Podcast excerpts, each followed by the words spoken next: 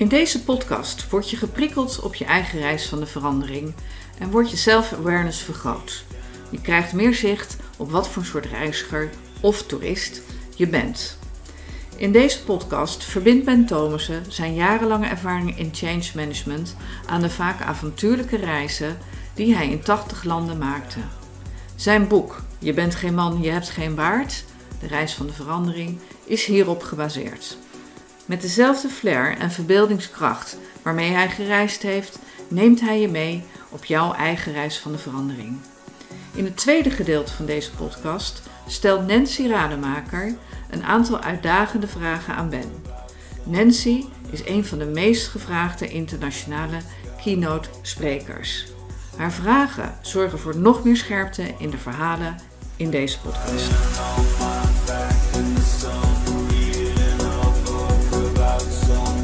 Podcast 3.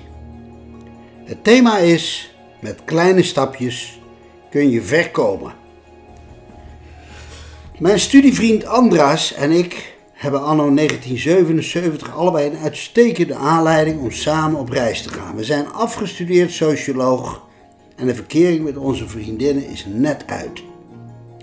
Andras, tellig uit in 1956 gevluchte adellijke Hongaarse familie, is net zo introvert als ik extravert ben. Maar we kunnen het erg goed met elkaar vinden. Waar we heen willen, weten we al.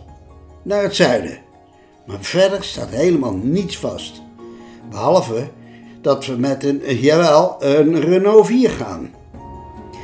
Test, tent en andere spullen gooien we in het autootje en ik mag beginnen. Eh, Antwerpen. Daar aangekomen en rondgelopen zegt Andras Brussel. Het gaat ontzettend goed, heel soepel ook. Zo rijden we Frankrijk door en komen uiteindelijk in Spanje terecht. Eigenlijk vinden we het daar een beetje saai met dat strandgedoe en zo. Pas in Andalusië wordt het weer wat interessanter. Maar wanneer ik weer aan de beurt ben, zeg ik Marokko. We zitten immers al zo zuidelijk dat we Marokko bijna kunnen aanraken. Uiteraard rijden we via Gibraltar. Het is geen enkel probleem om Marokko binnen te komen via Ceuta. En daarom trekken we op de Bonnefoy het land door. Marokko is in. Het zijn de jaren 70. En al zijn wij geen rokers, we weten heel goed dat veel hash en wiet uit Marokko afkomstig is. Ook hebben we gehoord dat in het Rifgebergte het centrum van de Marokkaanse hash- en wietteelt is gevestigd. Daar zitten ook de echte dealers. Daar willen we wel eens een kijkje nemen. Waarom? Nou ja, gewoon omdat we het spannend vinden. Het is een avontuur. Daar hoeven we niet eens lang over te praten samen. We gaan al de berg op. Via smalle, bochtige weggetjes gaat het omhoog. Maar dat maakt het alleen maar extra leuk. Onderweg stuiten we op een kleurrijke groep mensen op weg naar een bruiloft. En ja hoor, we krijgen contact met mensen die daar verbouwen en handelen. We vertellen dat we wel interesse hebben om eens te horen hoe het een en ander daar aan toe gaat in de teelt. Krijgen we te horen dat we verderop in een dorpje achter iemand aan moeten rijden en zo komen we in de heuvels uit waar het allemaal gebeurt. Het middelpunt van alle shit, zal ik maar zeggen. Blijkbaar mag onze auto niet gezien worden, want die moeten we in een schuurtje parkeren, waarna de deuren dicht gaan. We worden ontvangen in een ruimte met allemaal mooie kleden op de grond. Krijgen thee en hebben vervolgens uitermate boeiende gesprekken met onze gastheren, gekleed in traditionele djellabas. Wat willen jullie hebben? En hoeveel? Oh shit, ze denken dat wij spul komen kopen. Eh, ja, graag nog een kopje thee. Snoepje erbij? Ja, lekker. Nog maar zo'n mierzoet snoepje pakken. Intussen begin ik hem te knijpen. Hoe komen we hier ongeschonden weg? Ehm, kunnen we nu dan tot zaken komen, zegt een andere man. Ehm, ja, we moeten nog even rugspraak houden met onze opdrachtgevers. Maar we moeten toch zaken doen, zegt de man. Hij zet zijn woorden kracht bij door met zijn vuist op tafel te slaan. We komen er snel op terug, repliceer ik. Gelukkig laten ze ons gaan. En Andras en ik weten niet hoe gauw we in onze auto moeten stappen en wegwezen. Krijgen we ook nog een roedel kinderen achter ons aan, die de auto met stenen bekogelen. Ze lopen heel hard en wij kunnen niet zo hard vanwege dat rotweggetje naar beneden. Dus ga ik maar boven mijn rem staan, zodat er iemand tegen de auto opbotst. Daarna weer gas geven en weg. Ja, waarom deden we dit? Toch wel een beetje om de thrill. Je zoekt het gewoon op en denkt, we redden ons er wel uit. En dat is ook gebeurd. Avontuur zoeken, dat is het. En ook alweer een stoer verhaal om thuis te vertellen. Marokko barst ook van de aardige mensen. Zoals die ene jongen waarmee we de hele middag zijn opgetrokken. Hij laat ons allerlei mooie plekken zien en stelt ons voor aan zijn vrienden. God, wat een leuke mensen allemaal. Vervolgens trappen we er vol in. Wij hebben cassettebandjes voor muziek onderweg en die jongen zegt, mag ik die bandjes van jullie lenen? Want ik heb vanavond een feestje. Krijgen jullie morgen weer terug? Natuurlijk, roepen we in koor. Nooit meer iets van gehoord en gezien natuurlijk.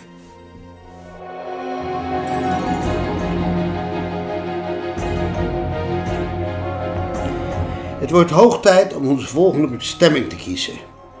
Ik ben aan de beurt. Algerije, zei ik. Algerije is een linkland, zeer gesloten. Toeristen gaan daar nauwelijks heen, tenzij onder begeleiding. Wij zijn maar twee jonge mannen met een autootje, veel kwetsbaarder. Mensen raden ons af naar Algerije te gaan. En dan begint bij mij de adrenaline al te stromen.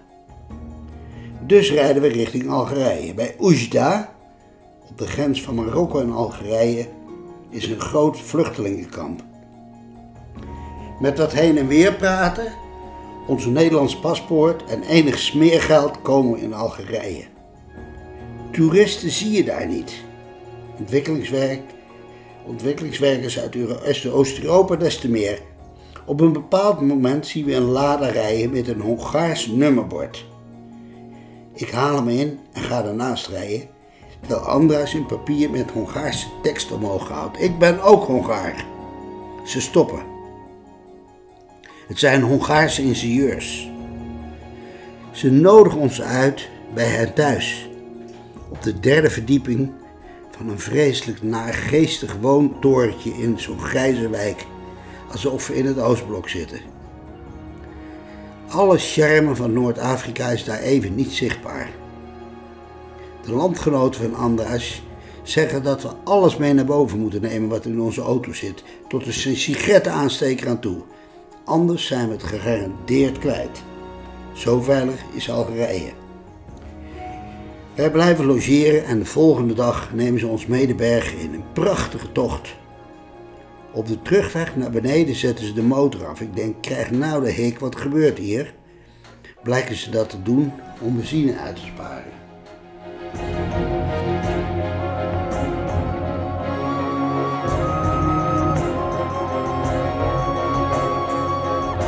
Daarna wordt het tijd om naar Tunesië te gaan. Want onze vijf weken zijn bijna om en we moeten terug naar het vaderland. We hebben uitgevogeld dat je vanuit Tunis naar Marseille kunt varen. Die informatie is juist.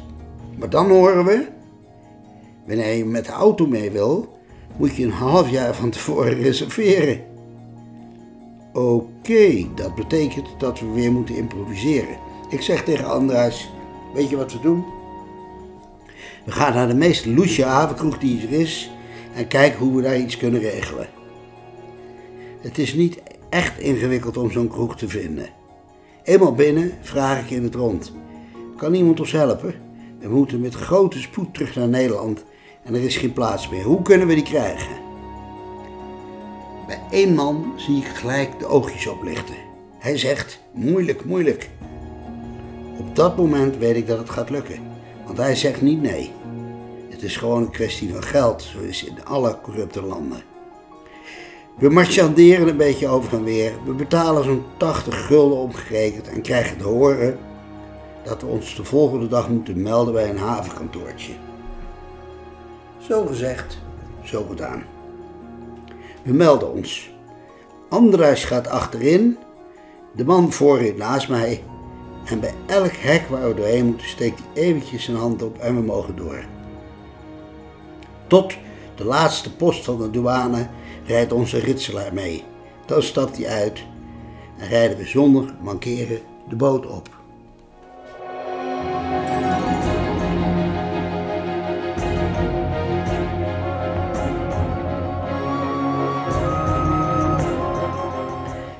Aan de overkant pakken we nog een avondje de typische sfeer van de havenstad Marseille mee, met die mengelmoes van Noord-Afrikanen. Daarna moeten we toch echt op huis aan. In Antwerpen pikken we een bioscoopje Bear Island met Donald Sutherland. Ik zal het nooit vergeten. Een fantastische reis is beëindigd, vol avonturen die je van tevoren niet kunt bedenken. Als je zo'n avontuur vooraf bedenkt, krijg je dit. Dat is het voordeel van zonder blauwdruk reizen. Van over je eigen grenzen heen gaan. Dan komt het avontuur vanzelf op je af. Eén ervaring is me daarnaast nog altijd bijgebleven. Op onze route van Ceuta via het Rifgebergte naar Fes, Casablanca, Meknes en Oujda raken we ergens totaal verdwaald in een onherbergzame omgeving waar we geen sterveling meer tegenkomen. Na ruim een uur zien we in de verte een eenzame figuur lopen. Dat zal onze wegwijzer zijn, onze redder in nood. Erop af. In achtereenvolgens Frans, Engels, Duits en zelfs Nederlands proberen we hem duidelijk te maken dat we weer op een hoofdweg willen geraken. Hij begrijpt ons niet. Wij begrijpen hem niet. Hij spreekt alleen maar Berbers. Wanneer tot hem doordringt dat wij niet begrijpen, dat wij hem niet begrijpen, gaat hij steeds luider praten. Op het laatst toetert hij keihard Arabische woorden in mijn oor. En dat verschijnsel zal ik later nog vele malen tegenkomen in organisaties en bedrijven waar ik voor werk. Wanneer mensen merken dat er niet naar hen wordt geluisterd, gaan ze steeds harder schreeuwen of hun standpunt op nog luidere toon herhalen. Een wijze les daarin Marokko.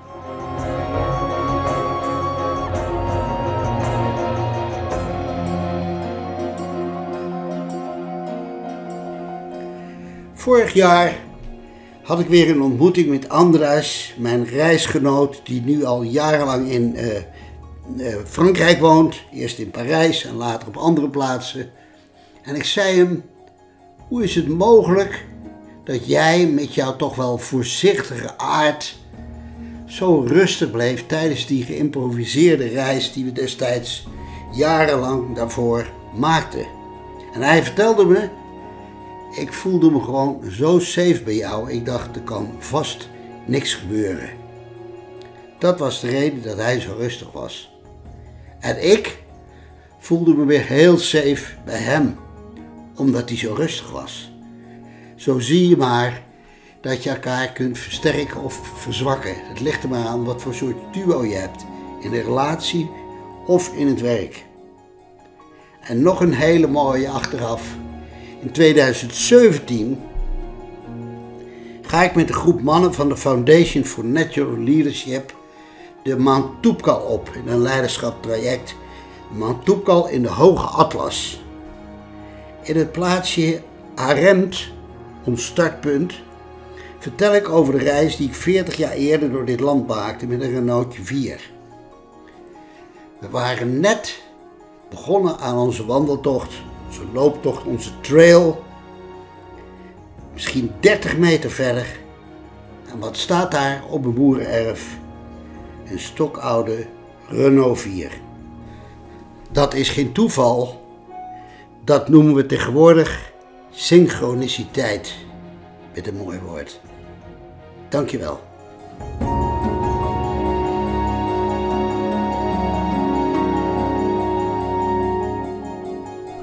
Over je eigen grenzen heen gaan, dan komt het avontuur op je af. Wauw, Ben, dat klinkt uiteraard heel avontuurlijk. Maar Voor de wat meer behoudende types onder ons klinkt over je grenzen heen gaan ronduit bedreigend, toch? Ehm, wat is dan volgens jou het tipping point dat het van avontuurlijk naar bedreigend gaat? Of andersom natuurlijk, want uh, dat kan ook.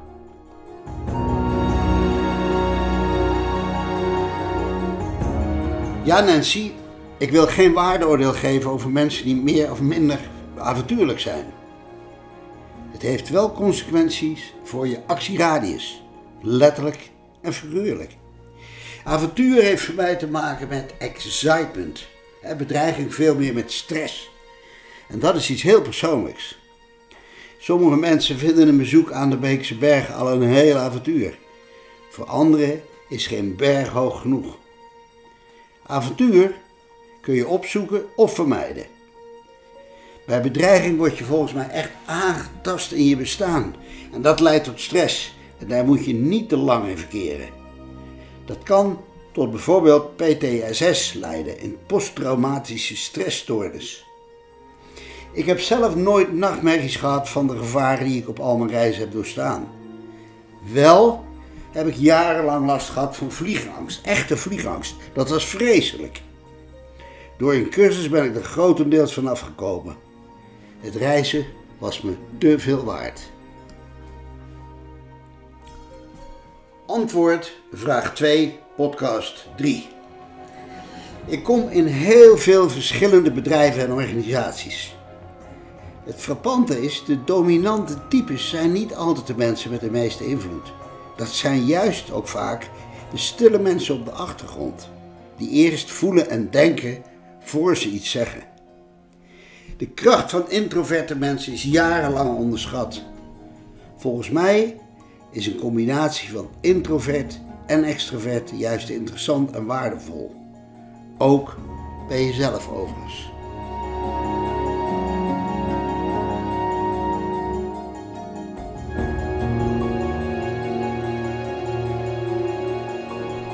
Ben, wanneer mensen merken dat er niet naar hen wordt geluisterd, gaan ze steeds harder schreeuwen, zeg jij, of hun standpunt op nog luidere toon herhalen. Jij noemt dat een wijze les, maar hoe ga je daar eigenlijk mee om in bedrijven of organisaties? Krijgen de hardste schreeuwers niet juist de meeste aandacht, terwijl de misschien wat stillere types juist ook waardevolle standpunten hebben, soms misschien zelfs nog waardevoller?